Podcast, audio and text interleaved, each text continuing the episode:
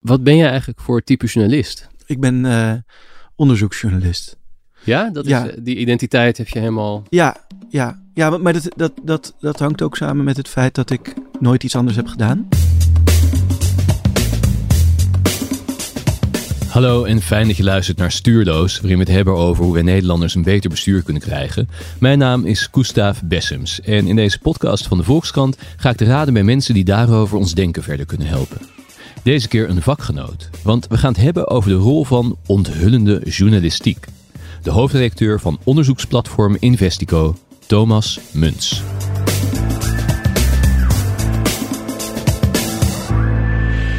Ja, Thomas Muns was wetenschapper, politiek filosoof, gaf les aan universiteiten in Tilburg en Amsterdam. En hij is een erg geschikte gast om voor het eerst in deze reeks eens mee te bespreken wat eigenlijk de invloed van mijn eigen beroepsgroep is op ons bestuur. Want hij sloeg een andere weg in. Hij ging ruim tien jaar geleden een masterclass onderzoeksjournalistiek doen bij de Groene Amsterdammer. En daaruit vormde zich Investico, waarvan u het werk in veel verschillende media tegenkomt. Zelfs als u de naam misschien niet kent. En daar staat hij nu aan het hoofd.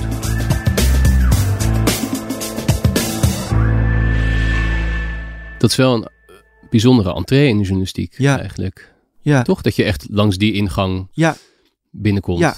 Ja. Vaak zie je dat mensen eerst allerlei andere dingen hebben gedaan, verslaggeving, en zich op een gegeven moment op het onderzoek gaan storten. Maar jij bent daar begonnen. Ja, en met mij dus een hele hoop collega's. Maar kijk, wij, wij vinden ook bij Investico dat onderzoeksjournalistiek niet een eretitel is. En dat heeft het, vaak heeft het nog wel die zweem in, in, in de journalistiek. Is het iets dat je eigenlijk aan de langstwerkende, meest loyale uh, redacteur geeft. Um, ga jij dan nu maar onderzoek doen, zo'n paar jaar voor je pensioen enzovoort.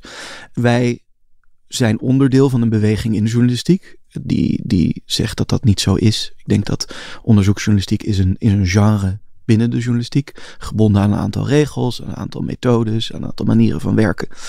En die kan je ook gewoon aan jonge mensen leren. Ja. En dat betekent natuurlijk heeft het, dat heeft ook enkele nadelen. Kan want, wel uit eigen waarneming zeggen inmiddels dat dat beeld van die oude rotte die dan ja, dat is wel alleen Ja, ja zeker. Nee, maar daarom zeg ik ook, wij zijn onderdeel van de beweging die dat eigenlijk heeft gedemystificeerd. Hè?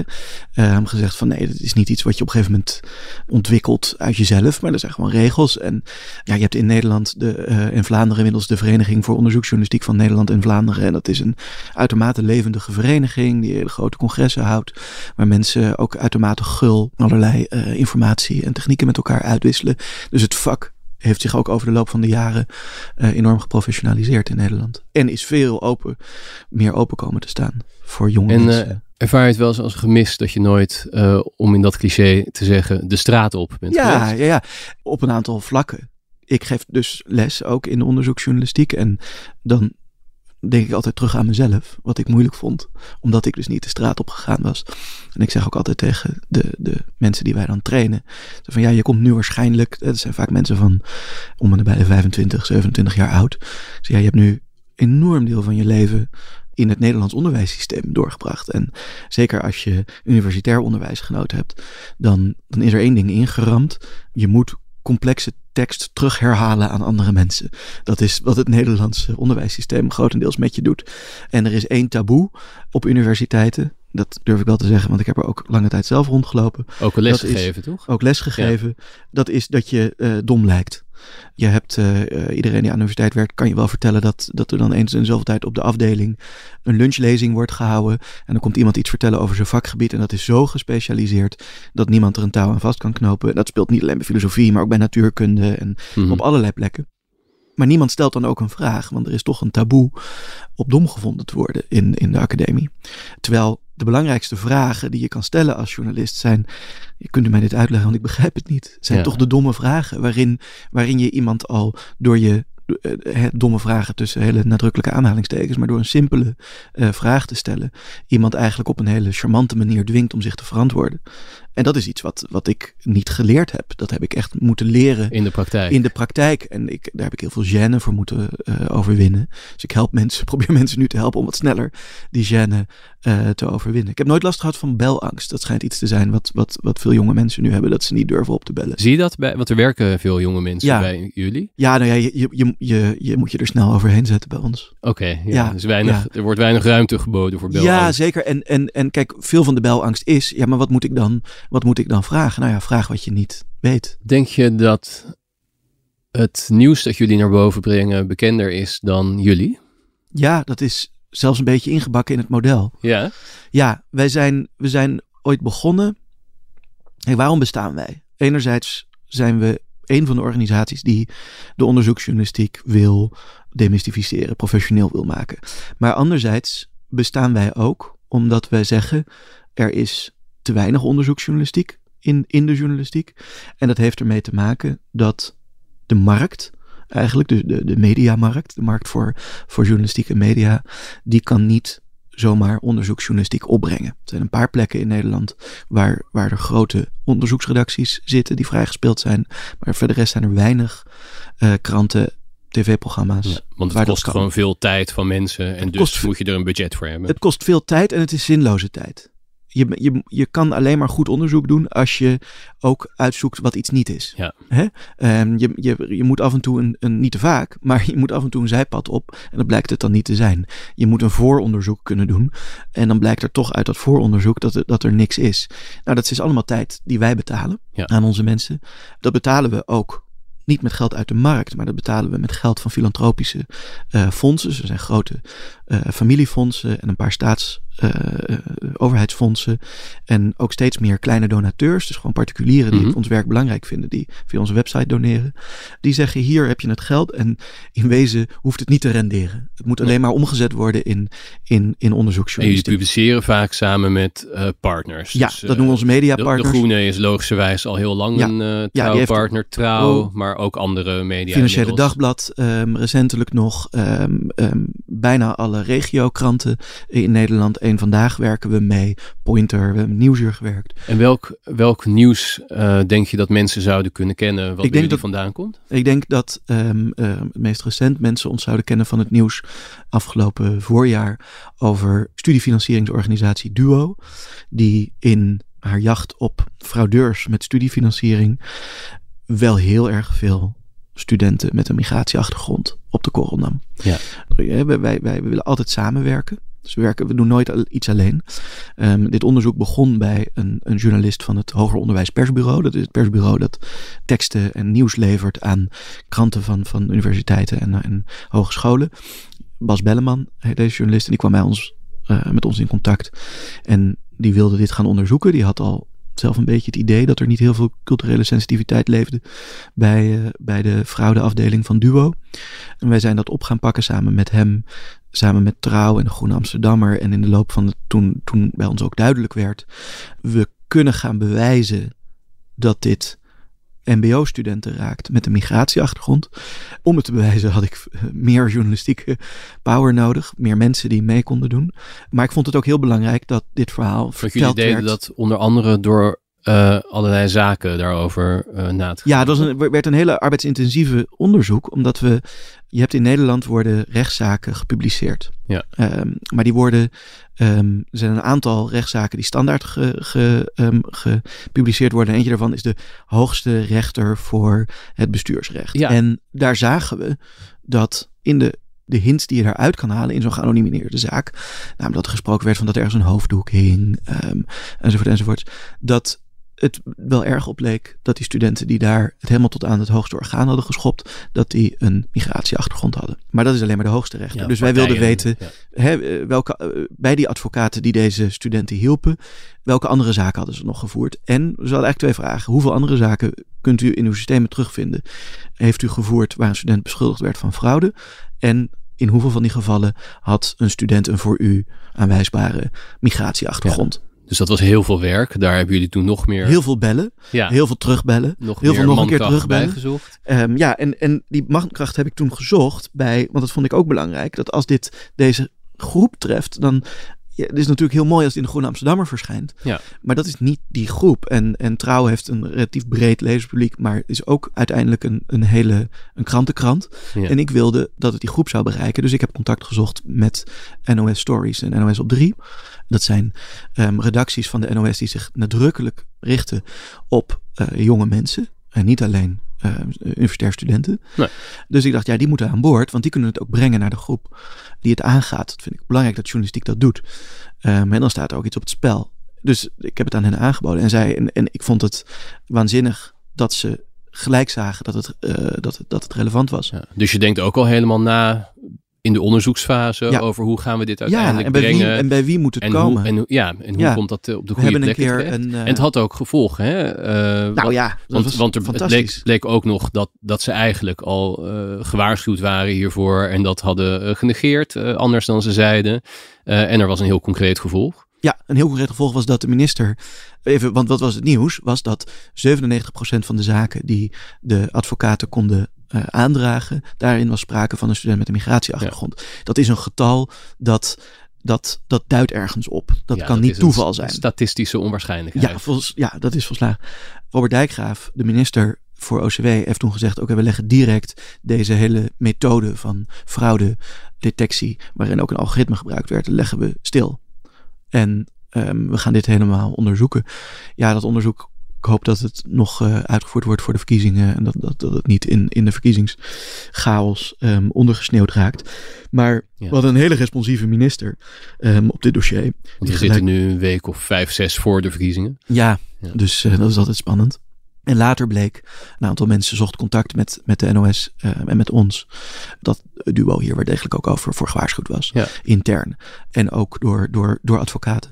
Dus het was een, dat, dat is misschien een onderzoek wat u van, u, van ons kent. Ja. Um, het is heel nadrukkelijk niet de bedoeling dat wij onze partners, in dit geval het staat dan op de, uh, op de voorpagina van Trouw.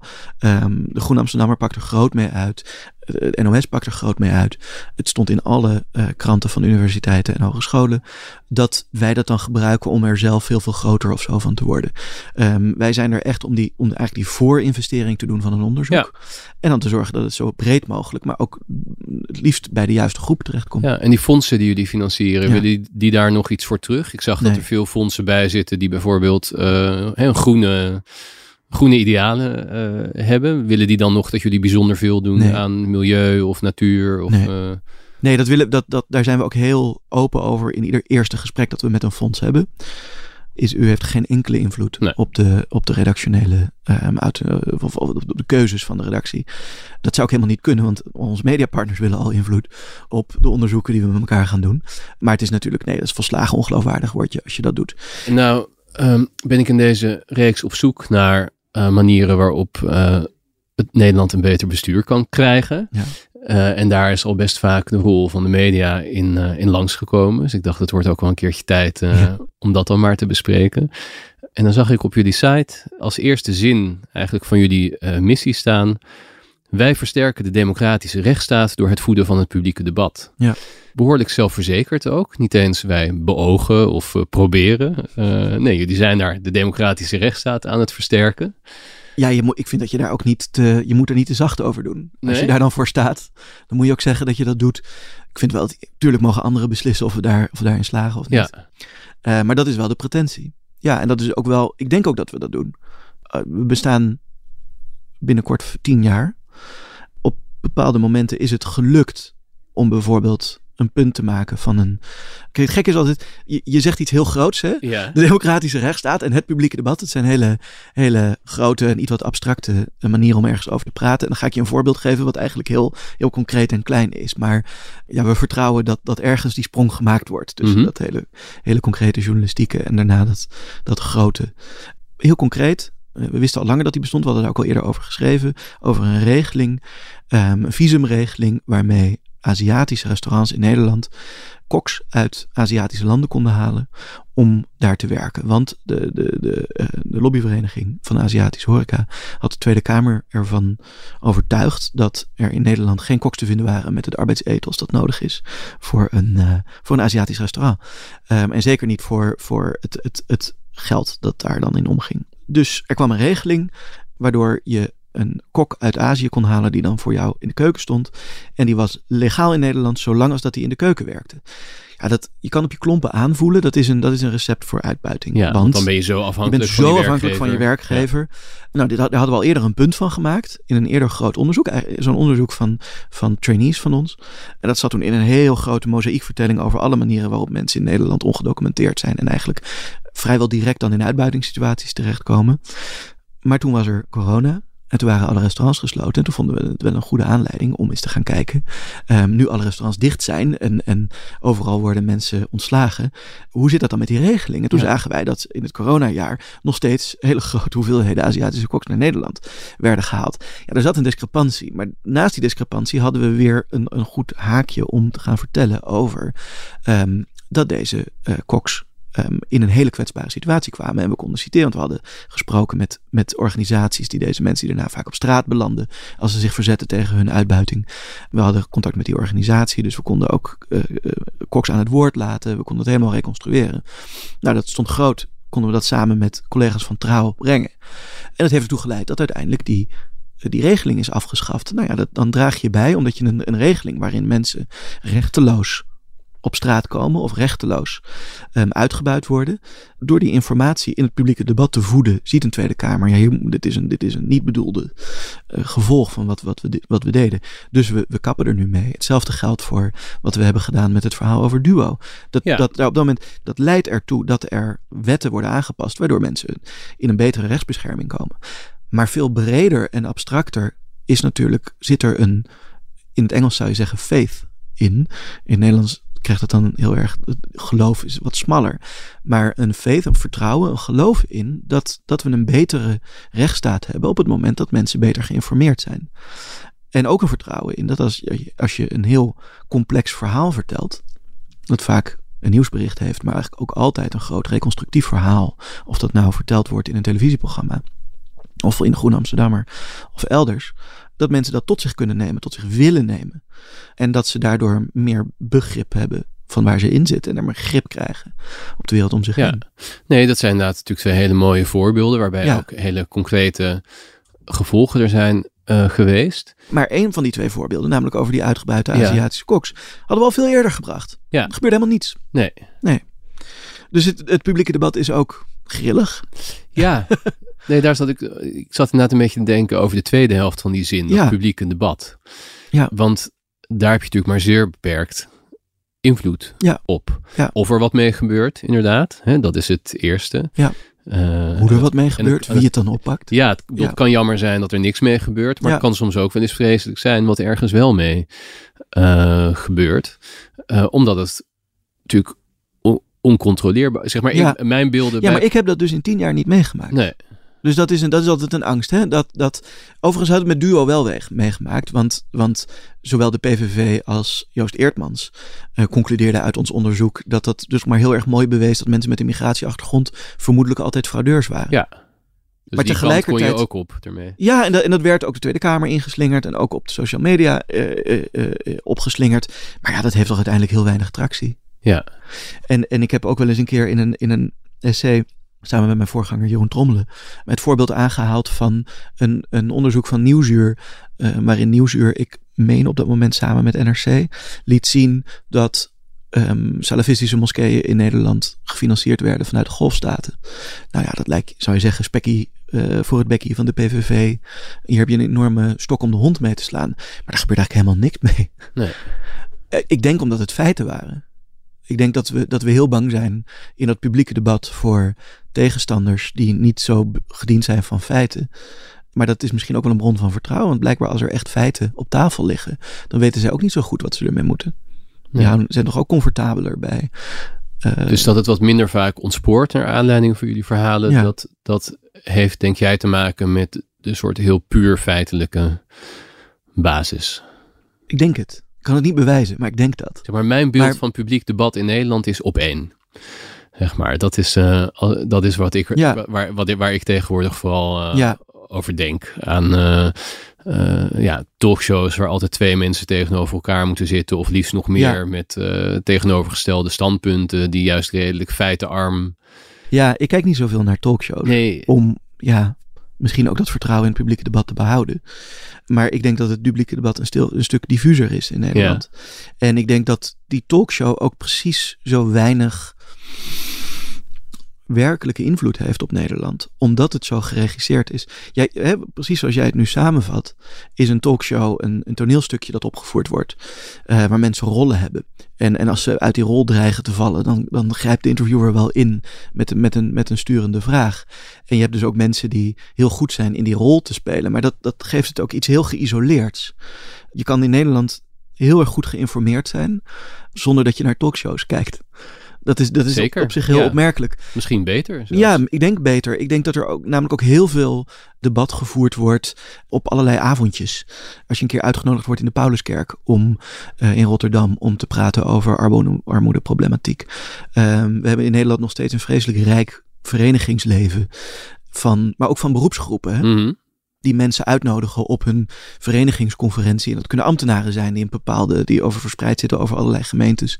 Waar je komt, er zijn, er zijn zaaltjes in heel Nederland waar mensen met elkaar uh, discussiëren. En, maar is dat de massa, heb je het idee? Is de, massa, is de massa nee, maar daar, niet daar gewoon tv en sociale media? ja, maar daar gebeuren wel, grappig genoeg komen daar vaak mensen op af die aan de knoppen zitten.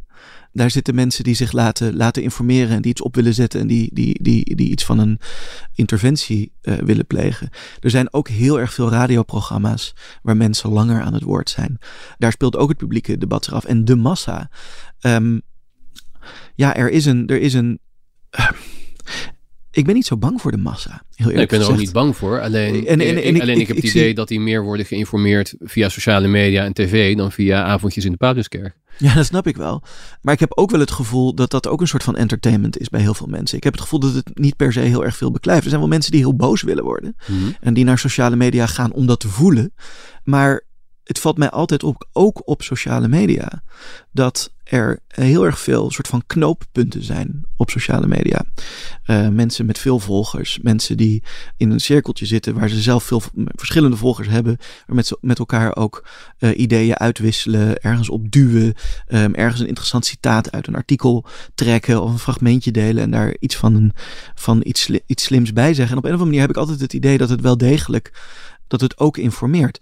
Maar ja, er is een enorme hoeveelheid drek op sociale media. En er is bovendien ook heel erg veel journalistiek, want daar hebben we het nog niet over gehad, ook van ons, die helemaal niet over het voetlicht komt. Nee. Ik heb ook wel eens een keer, bedoel, ik maak dat natuurlijk zelf mee. Ja. En ik heb ook wel eens, ik zit ook wel eens in juries, heb wel eens in juries gezeten voor journalistieke prijzen. Dan sturen uh, media hun interessantste verhalen in. En dan zelfs heb, ik zelf. Heb je ze nooit gezien? Heb ik ze nooit gezien. Terwijl ik toch best wel. Ik hou het best wel in de gaten voor mijn gevoel. Maar ergens daar. Nou ja, gaat er dan toch wel iets mis. Of in ieder geval schiet het toch tekort. Als je. Ik bedoel, natuurlijk kan niet elk verhaal iedereen uh, bereiken. Nee. Dat is logisch. Maar als je toch een ook weer niet onbeduidend aantal wel belangwekkende journalistieke ja. verhalen ziet die, ja. die niet veel mensen bereiken. Ja. En aan de andere kant drek, zoals jij het noemt. Hè, maar ik bedoel, een bekend voorbeeld is natuurlijk, weet ik veel, antivax uh, ja, ideeën. Ja. Of uh, allerlei andere dingen ja. die zich in een parallele werkelijkheid uh, afspelen. Hè, bijvoorbeeld op, veel, vaak op het gebied van gezondheid bijvoorbeeld. Allemaal dingen die niet waar zijn, die toch heel breed worden omarmd. Klimaatontkenning. Ja, ja. ergens zit daar dan toch een, um, komt iets niet door. Nee. En als het Nee, dat is, dat, nee maar dat, dat is waar. Het hoort maar... toch in dat model wat jij in het begin beschrijft. Dus via het informeren. Hè, uh... Ja, maar ik, ik, ik voor mezelf misschien waarom ik. Ik heb in, in, de, in de loop van, van ons bestaan. um, op een gegeven moment ervaren dat er mensen zijn die ter goeder trouw zijn. En mensen die ter kwader trouw zijn. Er zijn mensen die zoeken in de publieke informatie helemaal geen echte feiten. Kijk, feiten echte feiten hebben iets weerbarstigs. Hè? Echte feiten zijn verrassend. Ja. En als je je abonneert op, op media, uh, op, op, op, op, op kranten of je kijkt televisieprogramma's, dan zijn er heel erg veel mensen ook in Nederland die dat doen omdat ze op een bepaalde manier verrast willen worden. Ze willen weten hoe het zit. Ze weten van zichzelf dat ze niet weten hoe het precies zit. Dus ze doen dat omdat ze ook weten dat, dat hun oordeel beperkt is, dat hun kennis beperkt is en dat laten ze voeden door andere media, onder meer door ons. En er zijn ook talloze mensen die dat niet willen. En ik vraag me af hoeveel je daaraan kan doen. Je kan zorgen dat het publieke debat online. En zeker kan je als redactie op een televisie zorgen dat je, geen, dat je niet zit te, zit te kletsen over onzin. Dat je, dat je niet, dat je niet um, op de ophef gaat zitten. Natuurlijk is dat allemaal waar. En ook die, de, hebben, we zouden een betere regulering moeten hebben voor algoritmen. We zouden überhaupt grip moeten krijgen op wat algoritmes doen. En dat dan als een algoritme een, een, een soort van brandversneller is voor angst en walging enzovoort. Dan zou je daar misschien op in moeten grijpen als wetgever. Maar er zijn ook heel erg veel mensen die ter goede trouw zijn. En die lezen media omdat ze geïnteresseerd zijn, omdat ze zich willen informeren, omdat ze nieuwe informatie, onwelgevallige informatie willen horen. En het belangrijkste is dat we die groep ook blijven voeden. Dat we die blijven voeden met daadwerkelijke feiten. Met feiten die samenhangen. Met een verhaal waarin je zegt: kijk, het is ooit begonnen uh, met een goede bedoeling van een wetgever. Of misschien is deze, is deze minister wel cynisch geweest, maar had in ieder geval dit op het oog. Langs deze uh, gebeurtenissen zijn we nu hier terechtgekomen. En omdat we weten hoe we hier terechtgekomen zijn, kunnen we er nu ook wat aan gaan doen. Ja. En, en er zijn talloze mensen in Nederland die dat, die dat willen. En Jij gelooft eigenlijk meer in het uh, voeden van dat deel van het publiek, ja. wat hier ook voor open staat. Ja dan in het overtuigen van dat deel van het publiek wat hier niet voor open lijkt. Ja, ik denk, ik denk dat er is ongetwijfeld een soort van swing vote. Er zijn ongetwijfeld mensen die je kwijt kan raken. En, en er zijn mensen die je weer terug kan winnen. Vind je dat er andere media zijn die daar wel meer een taak in hebben? Of die er misschien beter voor gepositioneerd zijn? Nou ja, je ziet dat de, de NOS heeft een hele belangrijke taak om zo groot mogelijke groep te benaderen uh, uh, en te bereiken. En zoals je ziet dat de, hoe de NOS evolueert van iemand die staccato teletext voorleest naar, zoals je gisteren keek ik naar de uitzending. Dat was een aantal dagen na de gevechten in, in Zuid-Israël werd duidelijk hoe groot de slagpartij was die, die Hamas had aangericht. En hoe Rob Trip daar um, stapje voor stapje, een soort van de ene kant, nu weer iemand anders aan het woord laten. Korte zinnen van duiding daar aangaf. Het was echt een, een verhalend geheel, was die uitzending. Een enorme poging op een zo laagdrempelige manier ja. samenhang proberen aan te brengen in al die vreselijke feiten. Ja, dat is, dat is kan het niet anders zien dan de NOS die heel... Um, die zich in elk geval enorm inspant. Enorm inspant om, om mensen niet um, te overspoelen met alleen maar vreselijke um, uh, feiten. Ja. En, en die samenhang probeert te brengen. In het geval van de NOS tegen allerlei verdachtmakingen in. Ja. Hè, als zouden zij de corrupte staatsomroep zijn. En... Ja, maar wat zij nu ook zijn gaan doen is naar... En dat is dus mijn eerdere punt. Ze gaan naar avondjes.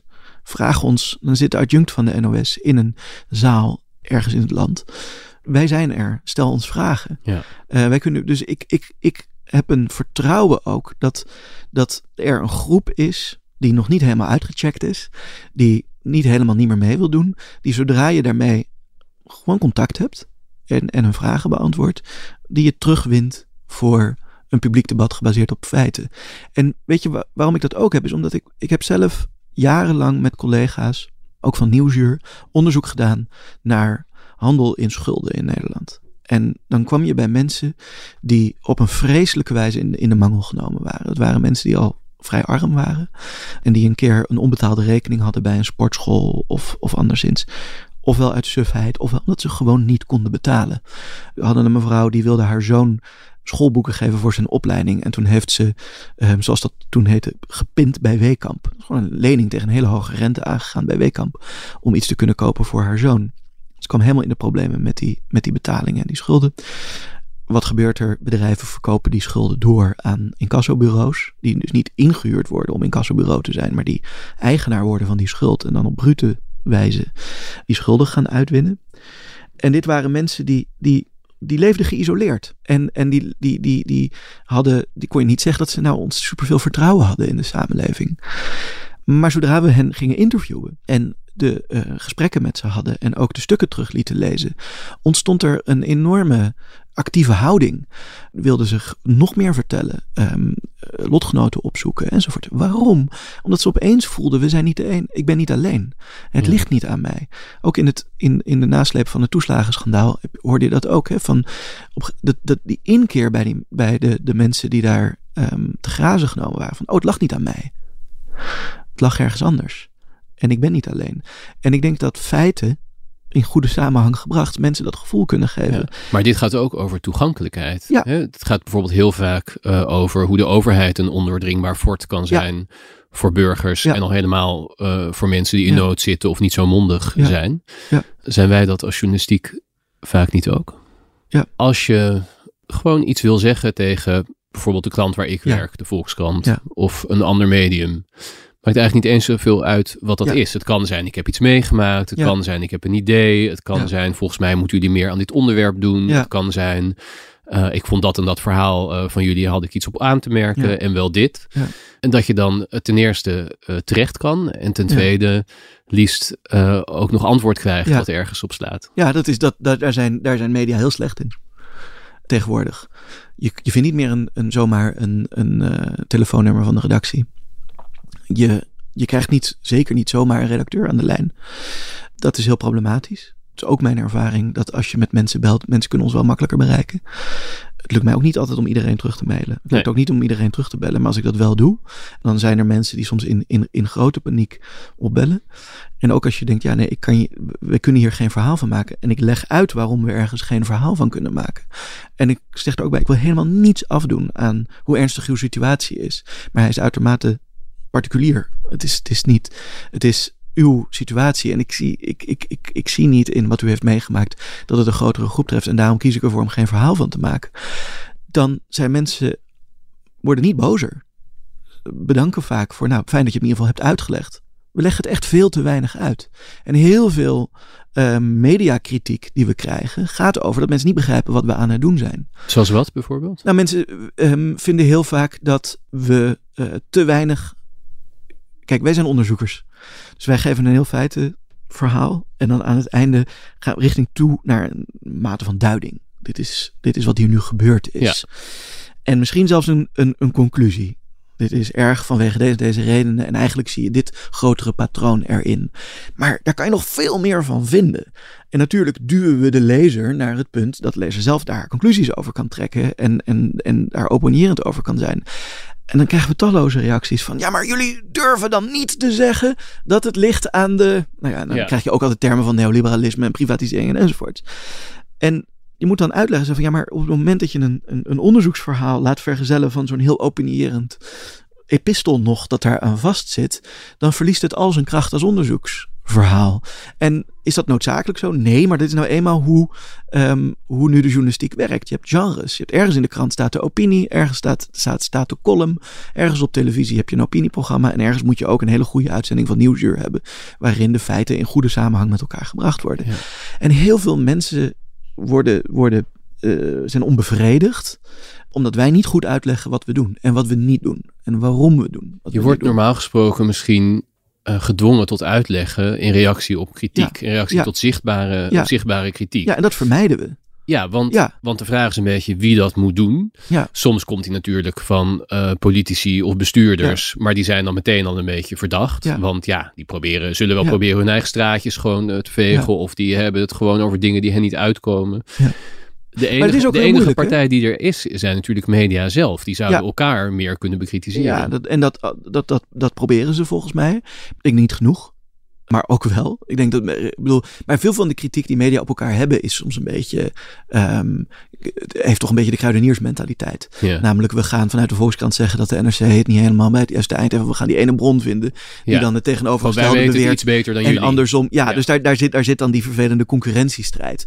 Maar ik denk dat de media in een kramp zitten rondom al die lezers, al die mensen op sociale media, die wat ik noemde uh, ter kwader trouw zijn. Er is een groep mensen die alleen maar op zoek is naar de bevestiging van zijn, van zijn eigen chagrijn, uh, um, van zijn, zijn gelijk in dat niks deugt. En die groep is heel vocaal en als media um, zijn we daar eigenlijk een beetje bang voor. Trekken we ons daarvoor terug, anticiperen we daar soms ook iets te veel op, vind ik. Maar daarom had ik misschien ook, ook niet de scherpste antwoorden op je vragen over, ja, wat doe je dan met mensen die wantrouwen zijn? Nou, omdat ik ook denk van, ja, we kunnen ze niet anders dan ze tot op zekere hoogte negeren moedig doorgaan. Er zit een soort, dat, dat noemde ik faith. Hè, vertrouwen en geloof hebben in dat als je moedig doorgaat. En in het moedig doorgaan zou eigenlijk ook moeten zitten elkaar wel eens fundamenteler bekritiseren. Ja. Zonder dat daar een soort angst in zit van nu ondermijnen we onszelf helemaal. Ja. Uh, ja, en nou voeden we het wantrouwen in, in, in de mainstream media enzovoort. En ieder medium zou ook een, een ombudsman moeten hebben. Die vanuit een onafhankelijke positie uitlegt ja. wat daar gebeurt op de redactie. En die dat ook scherp doet. Ja, is een hele belangrijke functie. Bij de Volkskrant, waar sinds kort geen ombudsman meer is. En de vorige ombudsman, mijn, mijn voorganger, ja. onverprezen oh, ja, was. In, het kader van full disclosure. Full disclosure, ja. Nee, maar dat zijn wel dat zijn hele belangrijke functies om te hebben. En, en natuurlijk bij Trouw hebben wij ook wel eens een keer een... een, een uh, wij werken veel samen met Trouw. En dan was er een lezer, of het was zelfs een bron die, die, die zich um, niet juist uh, behandeld voelde door, door ons. Um, nou, daar heeft Trouw de, de ombudsman opgezet. En die heeft met iedereen binnen Trouw en met ons bij Investico gebeld. En die kwam tot een zeer genuanceerd oordeel daarover. En daar hebben wij ook uh, dingen van geleerd. Dat is heel erg goed. Maar dat gaf ook inzage in, in, in wat er gebeurde. Ja. Um, ben je wel eens dus, bang, dus, ben je ja. wel eens bang dat wij... Dit gaat over het, de angst om het wantrouwen in ons te voeden. Ja. Ben je wel eens bang dat wij het wantrouwen in de politiek of in het bestuur te veel voeden? De hoofdredacteur van de uh, Vlaamse krant Standaard heeft ooit een heel mooi essay geschreven voor de Vereniging van Onderzoeksjournalisten, waarin hij een heel goed punt maakte. En die zei eigenlijk, ja, journalistiek die vertrouwen wekt of journalistiek die wantrouwen wekt, dat is een onderscheid waar ik niet zoveel mee kan. Hij zei, er is goede journalistiek en er is slechte journalistiek. En wat kenmerkt goede journalistiek nou? Dat is journalistiek die een afgeronde mededeling doet die een geheel vertelt, die niet eindeloos veel vragen overlaat. En er is een heel groot gevaar in, in journalistiek die helemaal verbrokkeld is. Die journalistiek die doet twee dingen. Um, die, die wil enerzijds dat ene brokje informatie, dat nieuwe feitje dat er is, natuurlijk zo voor mogelijk in de krant krijgen. Dus dat formuleer je zo scherp, dat wordt zo scherp mogelijk gekopt. Enerzijds. En anderzijds, omdat het helemaal geen context en uitleg biedt, ja. is het er morgen precies van hetzelfde. Ja, en, dat, geeft. Is, en dat is nog verhevigd in een online tijd. Ja, want waarin, waarin dat blokje ook los rond. Ja, ja, en dat, dat voedt denk ik wel degelijk een wanhoop. Dat voedt wel degelijk uh, bij het grotere publiek een neiging om af te haken. Maar doe nog iets. Want we hebben het ook over beter bestuur. Hè? Mm -hmm. Dat is ook journalistiek die bestuurders naast zich neer kunnen leggen. Waarvan ambtenaren op een ministerie kunnen zeggen, Tweede Kamerleden, bewindspersonen kunnen zeggen, ja, de ophef du jour, laat maar. Morgen, morgen is er weer ophef. Want ze hebben dit overgeslagen, ze hebben dat niet genoemd. Ja, hè, de, zoals zoals uh, Grapperhaus aan Halsema appte, de T is nou eenmaal de T. Hier hoeven we niks mee. Ja, de T was de Telegraaf. De Telegraaf. Ja. En, en dat is denk ik, niet per se Telegraaf, maar die brokjesjournalistiek, die is slecht. Want het, het, geeft geen grip. Het geeft geen begrip. Heel veel media doen heel, doen heel, heel veel journalistiek, doen heel erg hun best. En wij zijn daar, uh, denk ik, een exponent van. Om het altijd te zorgen om het in samenhang te brengen. En in die samenhang zit ook mededogen naar de mensen die het verkeerd gedaan hebben. Als je een goed verhaal vertelt, kan je de mensen die nagelaten hebben om de goede keuze te maken, of die een slechte keuze hebben gemaakt, of die die door menselijk gedrag, door ijdelheid het verkeerde hebben gedaan, door dat te laten zien hoe die dingen met elkaar samenhangen, zien we dat de, de, ook de hele ernstige fouten die in Nederland gemaakt worden, op zijn minste gevolg zijn van menselijk handelen. Dat in een verkeerde structuur is ingebed. En daar zit handelingsperspectief in. Daar kunnen we iets aan doen met elkaar. En die journalistiek, dat is een journalistiek die samenhang geeft. Maar het is wel een journalistiek die ook nieuwe feiten moet geven. Je moet niet verzanden in, in duiding en, en verzanden in alleen maar uh, verhaaltjes over. En in, in, in de nuance waarin we. Ik laat mij overigens niet helemaal meenemen in dit mooie beeld hoor. De, jij bent hier misschien een exponent uh, van. Ik denk dat ik wat platter ben en wel iets vaker gewoon vind dat, dat een persoon ja. iets aan te rekenen. Nou, ja, maar, jij bent het mooi in instructeuren sturen en. Ja, maar die persoon moet je het ook aanrekenen. Ik denk dat ik wat vaker wat platter beschuldig eigenlijk. Nou, ik weet, niet, ik weet ook niet of dat platter is, maar, je, je, je, nee, maar je, iemand heeft iets verkeerd gedaan. Ja. En dat moet je benoemen. En dat is ook de headline. Ik bedoel, dat is ook, het, dat is ook uiteindelijk waar het journalistieke feit op neerkomt. Maar dan moet je ook uitleggen waarom diegene dat heeft gedaan. En waarom diegene misschien wel dacht dat hij het goede deed toen hij het deed. En misschien zit daar een heel verknipt mensbeeld achter. Ik bedoel, we hebben de, de verhoren achter de rug van de commissie uh, fraudebestrijding. Ja. Waar Henk Kamp in al zijn schaamteloze botheid vertelde dat hij niet kon geloven dat, dat uh, maar een heel klein gedeelte van de mensen fraudeerde. Dat was niet wat er leefde. Zijn ambtenaren die droegen uh, feiten aan. Ja. Nou is dat altijd ingewikkeld bij fraude, want je hebt niet overal zicht op. Maar ze konden toch uh, behoorlijk aannemelijk maken. Ja, het is bovendien is ook een bestuurskundige wet. Hè? Ja, dat, dat, er altijd een percentage fraude precies, is. Dat dat, dat niet, vrijwel dat, nooit dat niet 10%. gigantisch was. Ja. ja. En het ging ook niet tussen wel of niet fraude aanpakken. Het Ja. ging over draconisch Ja. eh, of gewoon aanpakken. Ja. En hij zei toen, dat strookte niet met het gevoel in het land. Eh, dus toen heb ik die draconische maatregel toch maar genomen. Ja. Maar wat is nou de toegevoegde waarde van zo'n kamp die dat verklaart? Hè? Enerzijds dat we nu weten waar het vandaan komt. Is het gewoon, gewoon een, een, een koude politieke keuze geweest van deze man. Ja. Maar er zit geen corruptie achter. Hè? Nee. Dat is niet, hij heeft zich niet laten omkopen. Dit vindt hij echt. En ik zeg niet dat ik optimistisch ben over de mensen. er zijn dit soort politici die dit oprecht vinden. Ehm, en natuurlijk worden ze in die tussen aanhalingstekens oprechtheid gevoed door de peilingen. En dan kan je de grootste worden als je, als je hard tekeer gaat enzovoorts. Natuurlijk zitten er allemaal motieven achter. Maar die man die staat daarvoor en die vindt dat. En door, door dit op te rakelen, door hem te laten verhoren, komen we daarachter. En nu weten we ook wat we moeten bestrijden om deze mis, Ja. misstanden te gaan. Maar het is schaamteloos en het is vreselijk. En ik krijg er ook buikpijn van om Ja. het te zien. Dit is ook een interessant voorbeeld, want veel ambtenaren zullen zeggen, of dat zeggen zij ook wel Ja. tegen mij, de reden dat Henk Kamp dat gevoel in het land ervaart, Ja. dat zijn jullie. Ja. De media. Ja. Jullie maken dan bijvoorbeeld een beperkte fraudezaak zo groot en belangrijk, Ja. dat daar eh, kamervragen over komen en drukte en inderdaad gepraat in talkshows en, en, en, en peilingen die eh, gaan bewegen. En daarom zegt Ja, Henk de Kamp te- tegen de- zijn ambtenaren. Ja, we moeten die tijdlijn wel even scherp houden. Want die, die grote. Ehm, dan heeft iedereen het altijd over de Bulgarenfraude die dan zo groot gemaakt werd. Dat was pas Dit was eerder, ja. Maar dit Nee, was eerder deze maar- keuze van Kamp. Ja, maar dat, nee, tuurlijk. Iets, iets breder Ja. was er, zou je kunnen zeggen, al een maatschappelijk klimaat, om zoiets vaags maar te noemen, waarin, waarin het idee was. Ja, maar dat is dus vaag. En dat, Ja. en dat, en dat. Ja, media hebben daar een rol in. Bij Investico hebben we twee weken terug een verhaal gebracht over eh, fraude van boeren met grond. Die registreerden grond die niet van hen was. In veel gevallen zonder dat er toestemming voor was. Bij de Rijksdienst voor Ondernemen Nederland. Maar doet er niet toe. En via daar kregen ze subsidie en mestrechten. Op grond, nogmaals, niet van hen was, waar ze geen toestemming voor hadden. We hebben in kaart gebracht aan de hand van een steekproef hoe groot dat was. In gevallen was dat fraude. In sommige gevallen was dat sufheid, onduidelijke afspraken. Boeren die vinden dat ze door gewoonterecht dat, dat privilege hebben gekregen enzovoort. En in sommige gevallen is het echt, echt brutale fraude. Ja, dat neem je mee in hoe je dat naar buiten brengt. Uh, maar het probleem is wel degelijk de fraude die daar plaatsvindt. Ja. En je weegt dat als media. En, en, maar ik vind ook dat er een taak ligt bij, bij bestuurders om te zeggen: ja, maar dit is hoe groot het probleem is. En je hoeft niet alle ophef in één keer om te zetten uh, naar wetten en wettelijke Nee, regels. zeker. Dat, Dus dat je- vind ik echt. Dus je hoopt dat En- bestuurders daar een ruggengraat in hebben en kunnen destilleren. Ja, maar wij moeten natuurlijk als media moeten we, moeten we de dingen die we, die we boven water halen, moeten we in, in perspectief plaatsen. Ja, Daar ben ik, daar daartussen ben zit- ik helemaal maar van. daartussen zit een hele laag. Ja, van, van, van columnisten, eh, maar ook van koppenmakers. Van Ja. hoe, met welk muziek je je, Van je, item. wat Ja. weer anders Ja. is dan het genre wat jij Ja. eh, Ja, en ik vind dat we daar. Ja, en, en, en, en ik ben heel trots op dat we bij Investico nog nooit een minister naar huis geschreven hebben.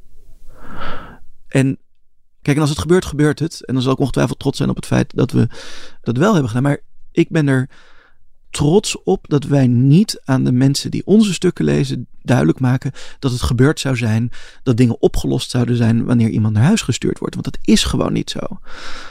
En ik verzet me daar ook tegen. Ik denk niet dat dat zo is. En ik denk ook niet dat we ons publiek een dienst bewijzen op het moment dat de Haagse redactie zo hard gaat rennen en gaat proberen iemand naar huis eh, te sturen. En ik heb ook ernstig mijn bedenkingen bij al die pogingen dan van de Haagse journalistiek om dat dan wel te doen. En als het dan niet lukt, het item af te sluiten met de mededeling. Maar de coalitie heeft wel een deuk opgelopen.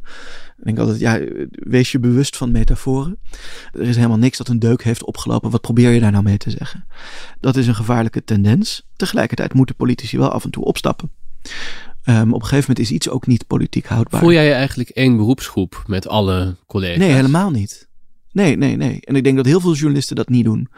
Ik voel me helemaal niet één beroepsgroep met columnisten, punt 1.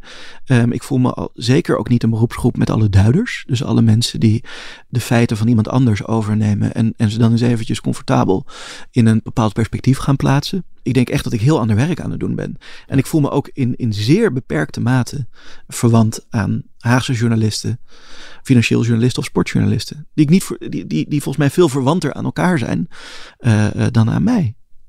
We maken in, in onze traineeship dat we aanbieden, geven we iedereen een boek te lezen. Dat heet The Watchdog That Didn't Bark. En daarin wordt een onderscheid gemaakt tussen access journalism en accountability journalism. Dus toegangsjournalistiek en verantwoordingsjournalistiek. En de auteur van dat boek zegt dat zijn twee stromen van de journalistiek die al vanaf het begin van de journalistiek door de journalistiek heen lopen. Access journalism was eigenlijk de eerste. De eerste handelsbladen en zo, die werden opgezet 300 jaar geleden. En accountability journalism, dus waarin je uh, het bestuur, het openbaar bestuur, maar ook het bedrijfsleven ter verantwoording roept. Um, dat kwam later. En wat doet nou een, een toegangsjournalistiek, een access journalist? Die heeft een heel afgebakend veld van wat zijn speelveld is. Dat is het parlement, uh, de, de postzegel, dat zijn de sportvelden, Zuidas, de beurs. En daarbinnen, eigenlijk alle bronnen daarbinnen zijn per definitie elite. Want het is, een, het is een elite, de topsport, uh, haute finance en, en het parlement, uh, dat zijn elite plaatsen. Het zijn ook allemaal elite bronnen.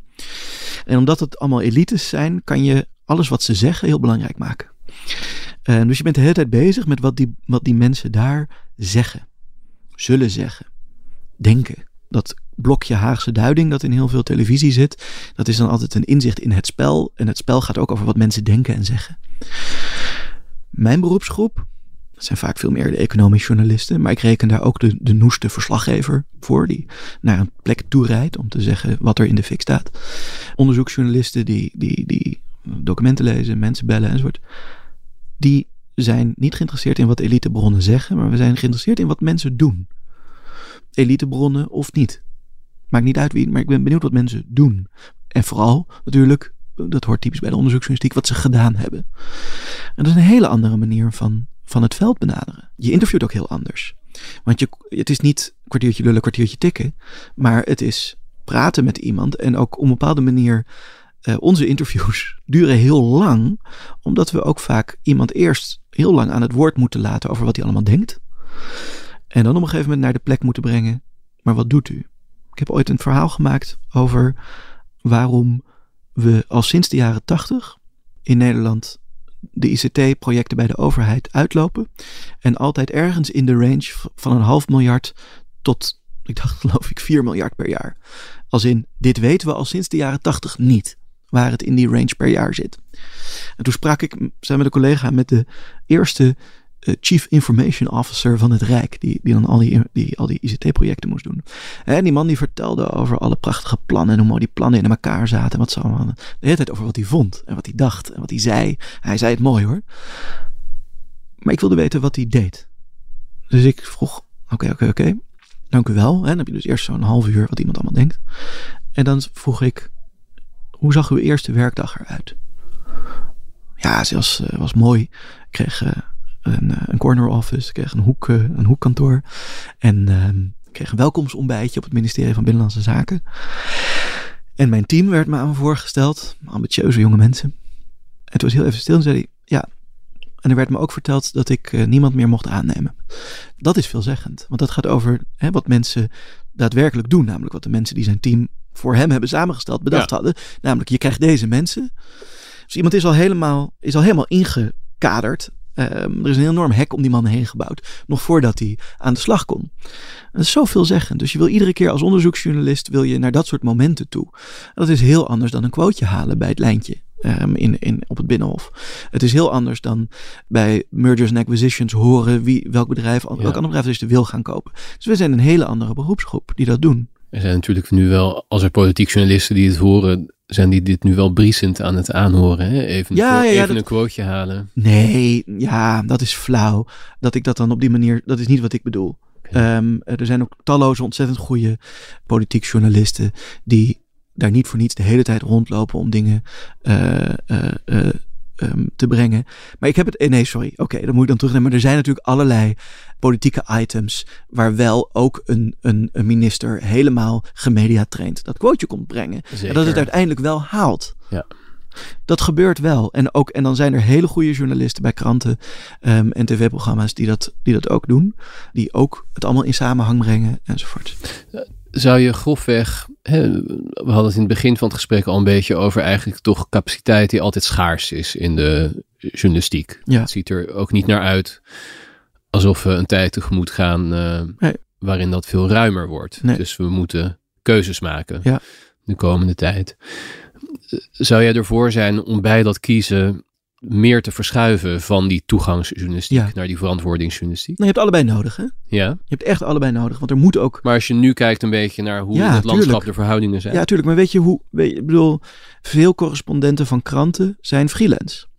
Buitenlandse Ja, correspondenten. ja, correspondenten in de eigenlijke zin. Die zijn freelance. Dat, dat zegt wat. Want het zijn hele dure krachten natuurlijk.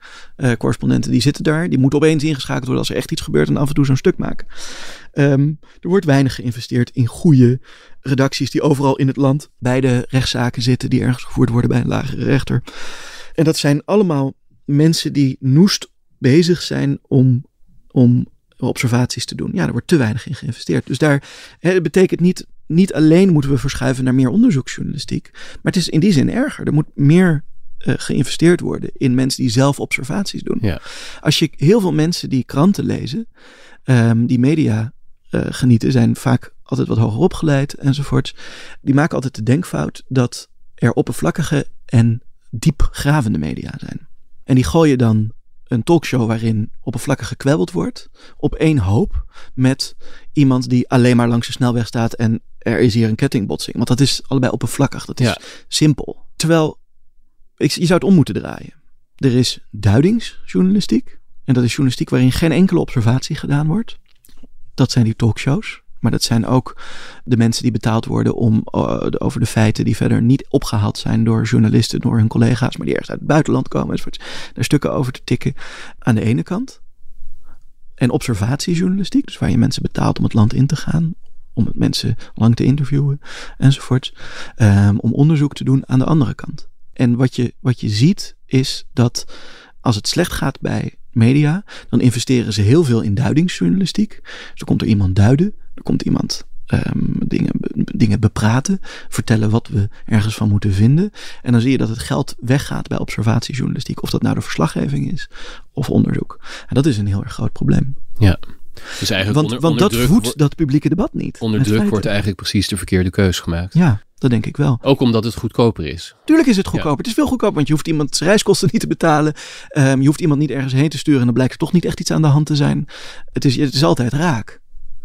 En, en altijd bij mediakritiek, want je zei het net inderdaad, dat, dat als je dan een scherp onderscheid probeert te maken tussen parlementaire journalistiek anderzijds en, en type journalistiek dat ik doe anderzijds, dan, dan klinkt dat gelijk heel denigrerend. Dat bedoel ik niet zo. Ik ben niet. Ik, Nee, maar goed, ik gaf je even de gelegenheid om daar Ja. wat over te zeggen. ja, Nee, aan de andere kant zie ik juist bij maar jou... het is wel een verschuiving. Ja, dat begrijp ik. Sorry. Nou, ik zie aan de andere kant juist bij jou wel een... Het viel op een ander moment in het gesprek juist op. Toen had je het over brokjesjournalistiek. En toen, toen noemde je de Telegraaf even. Toen zei je ook wel heel snel... Ik bedoel natuurlijk niet de Telegraaf. Nee, daarmee bedoelde ik. Nou ja, nee, maar omdat in de denk, Telegraaf. ja, de Telegraaf misschien wel. Vind je Dit- dat, eigenlijk niet een heel goed voorbeeld van brokjesjournalistiek? Maar ik lees het niet dagelijks, dus ik vind, Oh, het, ik vind het moeilijk om daar. Kan je niet gefundeerd Ehm, genoeg zeggen? Nee, dat, ik vind wel dat ik dat moet doen. Ik denk, ik denk dat, er, dat er. Maar ik denk dat. dat ehm, ja, natuurlijk. De, de, de chocoladeletterkranten. ehm, de kranten die, die inzetten op, een, op een, eh, een bepaalde reactie van hun publiek. die altijd zit in schande. Ja, dat is, dat is onderdeel van brokjesjournalistiek. Maar er zijn ook heel veel goede journalisten. die iets te, te vroeg naar buiten brengen. Ja. Oké, waarom, ik, waarom ik, ik. Het is niet omdat ik bang ben voor ehm, de reactie van de Telegraaf of de Telegraaflezers. Daar gaat het mij niet om. Wat ik wil is dat deze discussie een keer uitgetild wordt boven dat we ehm, hier op de redactievloer van de Volkskrant gaan, tegen elkaar gaan zitten vertellen dat de Telegraaf een slechte krant is. Want dat weet Ja. iedereen nou wel. Dat is niet zo heel erg boeiend. En we moeten op een andere manier hier naar kijken. En je moet proberen horizontaal te kijken naar media. Ehm, Structureler. nou, je begrijpt nou dat een krant wordt opgedeeld uit allerlei verschillende verhalen. Ja. En dat ehm, kranten onder grote tijdsdruk en onder grote financiële druk steeds meer kiezen als er niet iemand aan het roer staat die daar dwars tegen ingaat, steeds meer kiezen voor brokjes journalistiek. Dat gebeurt zowel bij de Telegraaf als bij kwaliteitsmedia, dat iets te vroeg naar buiten gebeurt, zonder goede tegenlezers. Ja, ja dat, zijn, dat zijn risico's. Uh, maar ik ben ook geen, geen, nou goed, dat zijn risico's. Ja. ja, daar zat ik ook nog een beetje over na te denken wat jij zei over dat, hè, hoe belangrijk het is om zoveel mogelijk een afgerond geheel te Ja. brengen. En dat past natuurlijk ook bij het medium waar jij Ja. hoofdredacteur van bent. Bij een krant als de Volkskrant is dat bijvoorbeeld alweer veel meer een dilemma. Ja. Dus wij zitten een beetje in een tussenpositie. Hè? Vroeger waren kranten echt voor het allereerste nieuws. Nou, dat is nu minder zo. Je hebt een drie of vier eh, online media in Nederland die denk ik het allersnelst en het allervolledigst zijn. Maar krant als Volkskrant of NRC, die is niet van die plicht ontslagen. Nee. Je ziet eigenlijk juist dat dat publiek, dat publiek verwacht het eigenlijk allemaal. Ja.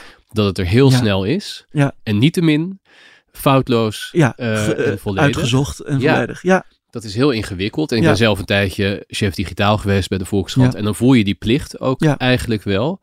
Ook juist om een rol te spelen in dat eh, ja, bijna strijdperk kan je het noemen. Mhm. Hè? Vaak in het begin bij de gebeurtenis, dan krijg je hele, dan kan het beeld al heel erg worden bepaald van wat is hier eh, aan de hand. En dan voel je eigenlijk juist ook wel een taak om daar toch vrij vlot tussen te zitten. ja. Met natuurlijk zo goed mogelijk alles geverifieerd en zo Ja. snel mogelijk context toegevoegd.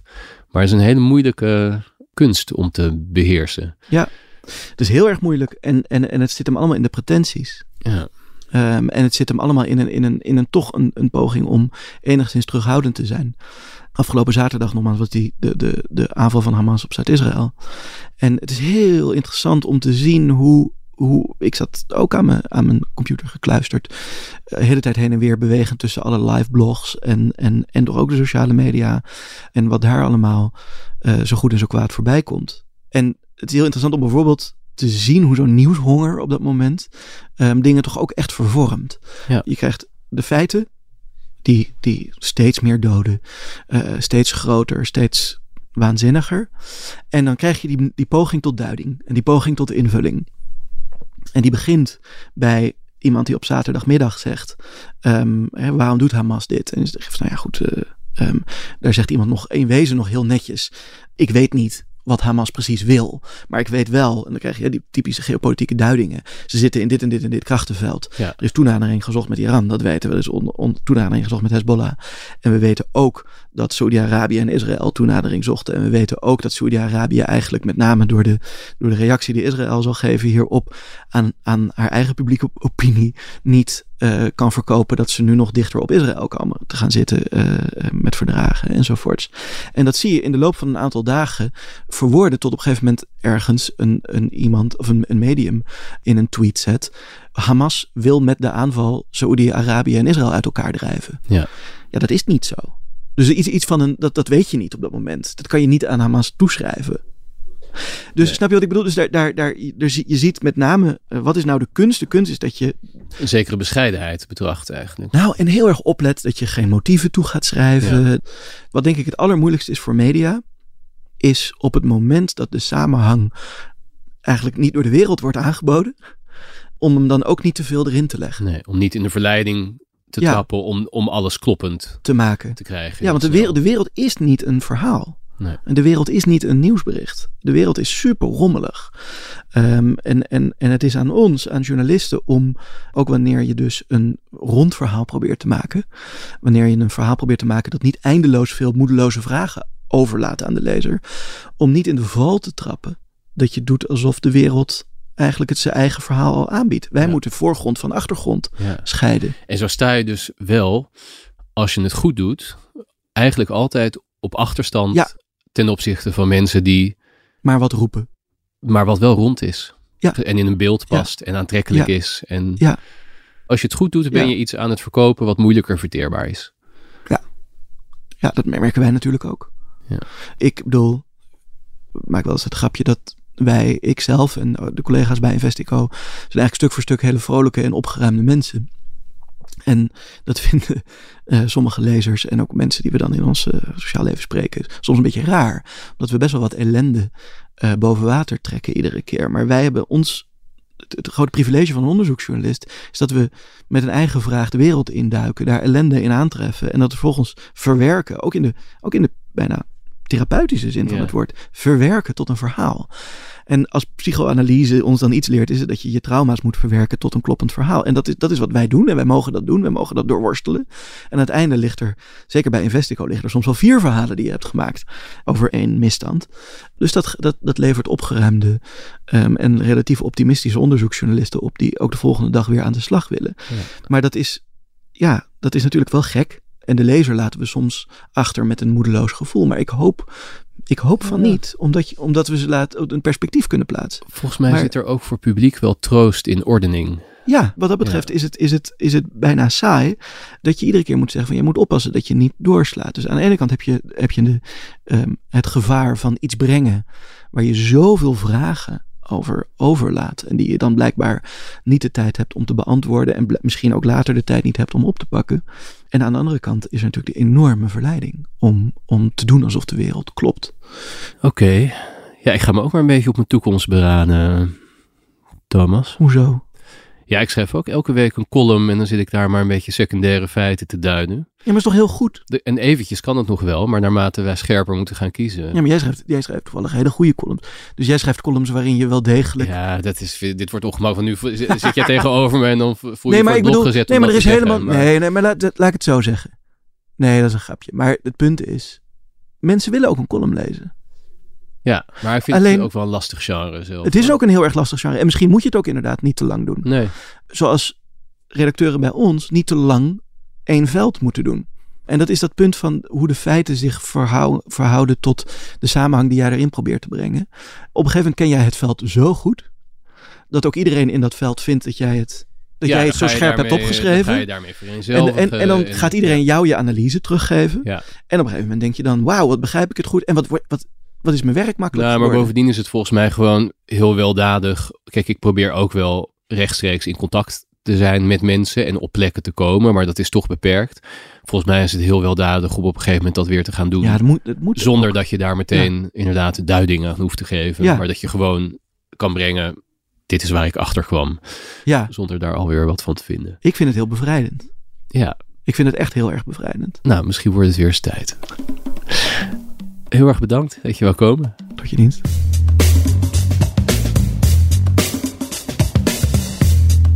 Dankjewel voor het luisteren naar Stuurloos, een podcast van de Volkskrant. De gast was Thomas Muns. Vond je het de moeite waard? Verspreid deze podcast dan als een dolle bij iedereen die je kent of die je niet kent. Schrijf een mooie recensie in een van de apps. Abonneer je zodat je weet wanneer de volgende eraan komt. Dank aan Geert van der Pol, redactie. Rinky Bartels, montage. En Corien van Duin, eindredactie. En tot snel.